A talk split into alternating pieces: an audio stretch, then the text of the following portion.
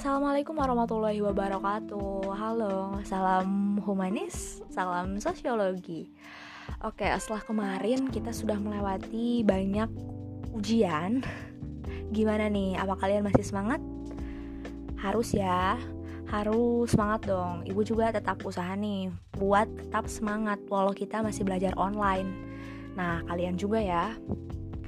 Oke, karena kemarin kita sudah membahas materi tentang bab perubahan sosial beserta dampak-dampaknya, termasuk modernisasi yang beriringan dengan adanya peristiwa perubahan sosial di masyarakat. Ya, seperti yang kalian ketahui nih, semakin modern sekelompok masyarakat, maka akan semakin banyak juga perubahan-perubahan yang terjadi selanjutnya. Back to the topic, pada kesempatan kali ini kita akan membahas sebuah fenomena sosial yang sebetulnya saling berkaitan dengan materi sebelumnya. Yap, jadi kali ini kita akan membahas tentang globalisasi. Pasti familiar dengan kata ini kan?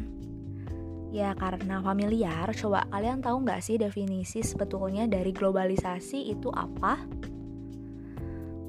Oke, di sini kita lihat dulu dari kata dasarnya globalisasi. Kalau kita lihat kata dasarnya itu berasal dari kata global atau globe yang artinya mendunia atau bola dunia dan istilah sasi yang mengartikan sebagai sebuah proses. Berarti singkatnya kita bisa simpulkan bahwa globalisasi identik dengan proses yang mendunia. Coba kita cari tahu dulu nih, menurut para ahli kira-kira artinya apa? Di sini ada pengertian dari seorang sosiolog yang bernama Lodge mendefinisikan bahwa globalisasi sebagai sebuah proses yang menempatkan masyarakat dunia bisa saling menjangkau satu dengan yang lainnya atau saling terhubung dalam berbagai aspek kehidupan, baik aspek ekonomi, budaya, politik, teknologi, dan lingkungan.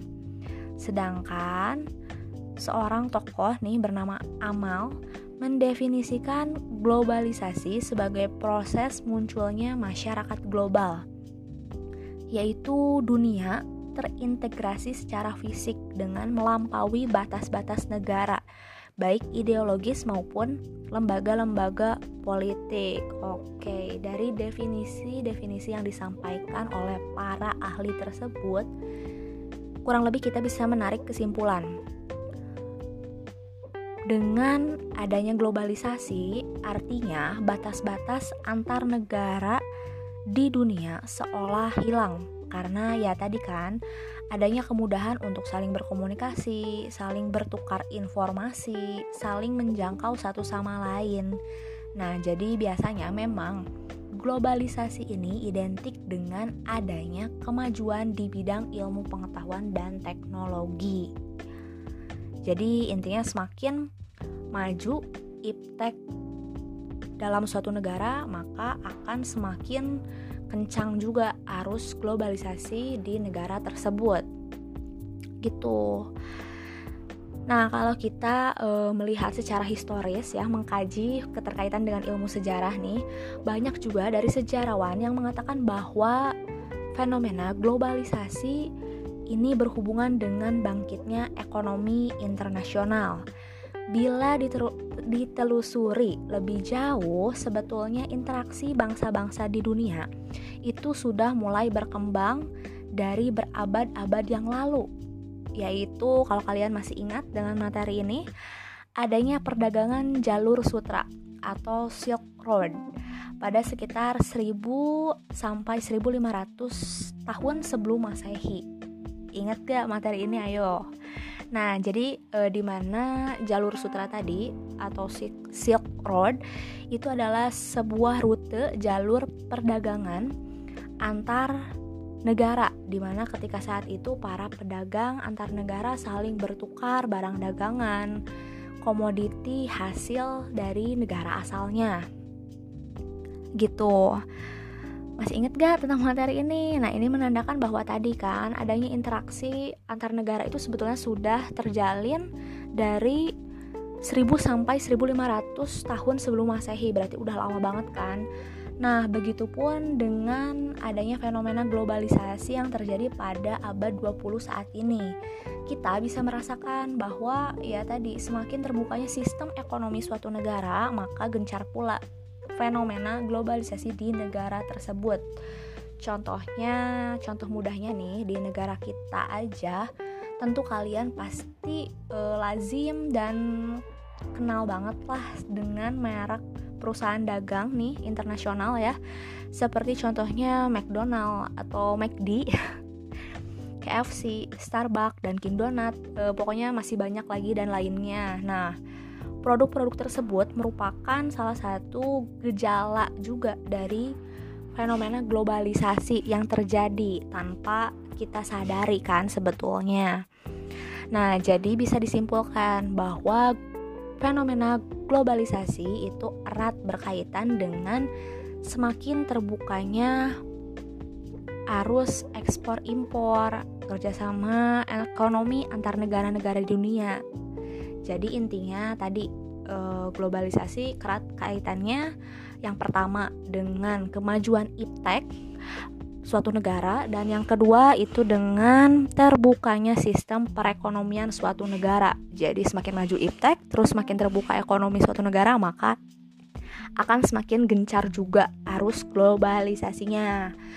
Nah, kalau kita melihat gejala-gejala dari globalisasi itu sendiri seperti apa? Contohnya dalam bidang iptek. Sebenarnya semua fenomena ini dan gejala ini pasti kalian merasakannya sendiri. Nah, contohnya tadi ya, dalam bidang iptek, yang pertama adanya penemuan telepon sebagai alat komunikasi itu menjadi salah satu gejala globalisasi dalam bidang iptek. Tentu sekarang uh, penemuan telepon berkembang menjadi smartphone yang bukan cuma sekedar untuk alat komunikasi. Tentu dengan smartphone kalian bisa mengakses uh, berbagai informasi, terus bisa juga menjadi media ajang narsistik. Kalian suka selfie-selfie mungkin atau bahkan bisa sampai uh, jadi media stalking. gitu. Contohnya ya. Nah, terus yang kedua, selain tadi penemuan telepon, juga ada penemuan alat transportasi yang semakin maju. Bahkan sekarang kita bisa melihat e, banyak transportasi yang sudah terintegrasi berbasis teknologi online. Ya, contohnya ojek online. Nah, itu juga jadi salah satu gejala globalisasi dalam bidang iptek. Lalu selanjutnya, gejala di bidang ekonomi tadi sih sebetulnya ya adanya kerjasama ekspor impor antar negara. Nah itu jadi gejala dalam bidang ekonomi. Ini dapat mengakibatkan ketergantungan antara negara satu dengan yang lainnya sebetulnya. Itu di sisi lain. Tapi di sisi lain juga bisa mengakibatkan pertumbuhan perdagangan internasional. Nah itu di bidang ekonomi, lalu selanjutnya gejala globalisasi di bidang sosial budaya.